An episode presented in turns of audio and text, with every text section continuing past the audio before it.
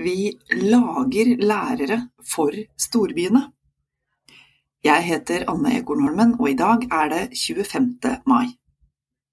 Lærerutdanninga i Norge produserer ufaglærte lærere til skolene i distriktet. Tenk deg at du er rektor på en barne- og ungdomsskole og skal sette sammen en timeplan med norsk, engelsk, matte, gym, kunst og håndverk, RLE, mat og helse, naturfag, samfunnsfag og musikk for alle klasser en vanvittig kabal før du legger til valgfag, og før du må forholde deg til at lærerne har formell undervisningskompetanse bare i to eller tre fag. Da går ikke kabalen opp. Den gamle allmennlæreren er nemlig historie. Hun forsvant med reformen som fra høsten 2017 gjorde lærerutdanninga til et femårig løp med mastergrad. Der velger man enten å bli lærer for første til sjuende trinn i grunnskolen, med fordypning i tre–fire undervisningsfag, eller for elever i 5. til tiende trinn med to undervisningsfag. Hva skjer når de skal ut i jobb? Sitat. Satt på spissen har reformene ført til ei lærerutdanning som er laga for storbyene, sier Peder Haug, professor i pedagogikk ved Høgskolen i Volda, til krono.no. Masterutdanninga forbedra noe, men skapte altså nye problemer. Som når du drar i et laken for å dekke hjørnet på senga, det blir bare glipe i andre enden av madrassen. Utdanninga er rett og slett ikke tilpassa det norske terrenget. Rundt 690 av snaut 2800 grunnskoler har under 100 elever, ifølge SSB. I spredtbygde Nordland har f.eks. over halvparten av skolene færre enn 100 elever. Det sier seg sjøl at de skolene, eller kommunen som skoleeier, etter beste evne må utnytte hver enkelt lærers kapasitet til fulle. Med den konsekvens at statistikken for ufaglært arbeidskraft blir både grell og misvisende. Lærerne har femårig høyere utdanning, men må i praksis undervise på trinn eller i fag de ikke har fordypningskompetanse i, altså ikke er formelt kvalifisert for. Det er ufaglært. Distriktsskolene blir skadelidende. Der mange praktiserer fådeling, dvs. Si aldersblanda trinn, er det ikke nok klasser eller timer til å fylle en 100 lærerstilling for en med undervisningskompetanse i norsk og engelsk. Da taper små skoler kampen om lærerkreftene.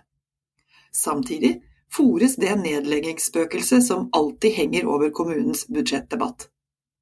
En desentralisert skolestruktur står for fall sjøl om sentralisering neppe var intensjonen bak masterutdanninga for lærere. Det er heller ikke bare små skoler som ser behovet for lærere som kan undervise i fag på alle trinn fra første til tiende. Også i folkerike kommuner sliter større skoler med å få tak i nok lærere med riktig kompetanse, sånn at timeplanen går opp med faglærte i alle fag, og sånn at lærerne får en attraktiv 100 %-stilling uten å måtte samle timer på flere skoler gjennom arbeidsuka. Det går utover elevene. Når mange lærere er i klassa bare i enkeltfag på timesbasis, så rekker ingen av dem å bli ordentlig kjent med klassa. Langt mindre med de enkelte elevene. Tirsdag var kunnskapsminister Tonje Brenna fra Arbeiderpartiet i Stortinget for å debattere SVs forslag til ti grep for å rekruttere og beholde flere lærere og ansatte i skole og barnehage. Brenna lover at regjeringa skal legge fram en strategi for Stortinget og må sammen med forsknings- og høyere utdanningsminister Ola Borten Moe fra Senterpartiet snu alle steiner. Under de steina så ligger det flere årsaker til at stadig færre fristes av læreryrket. Bunken med søknader til Oslo OsloMet, som er landets største institusjon for lærerutdanning, har krympa med 35 bare fra i fjor. Mange lærere opplever å bli stående aleine med store utenomfaglige oppgaver når støttefunksjoner som miljø- og sosialarbeidere og helsesykepleiere er mangelvare. Hissige lønnsoppgjør og streik er neppe en motivasjonsfaktor, det heller. Hvem vil ikke vegre seg for et yrke der man tilsynelatende stadig må på barrikadene, er i konflikt med arbeidsgiver og ikke opplever god nok støtte i opinionen? Og så er det utdanninga, da. Fem år skal gi bedre faglig fordypning og kompetanse. Og masterkravet kan styrke kvaliteten i skolen, heve statusen ikke minst, og legge grunnlag for høyere lønnsnivå. Men med lengre utdanning så må det også gis tid til mer praksis for å vite hva man går til.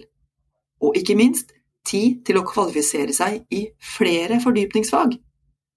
paradoksalt nok er det blitt motsatt.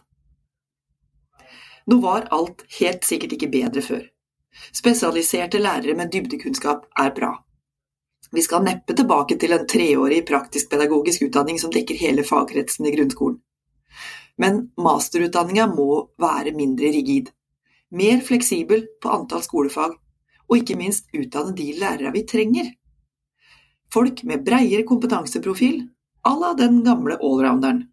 Det er helt nødvendig for å sikre rekruttering av lærere til distriktsskolene. Når studentene ikke vil bli lærere, ferdigutdanna hopper av til et annet yrke, og masterutdanning fortsatt kan bety ufaglært ute i den praktiske virkeligheten, da må Brenna og Mo svare på flere spørsmål. Har vi den utdanninga lærerne, skolene og elevene trenger? Jeg heter Anne Ekornholmen, og dette her var Nasjonen på øret for i dag. Hvis du vil høre flere kommentarer lest opp, så finner du dem på nettsidene våre nasjonen.no, eller der du hører podkast. Ha en god dag!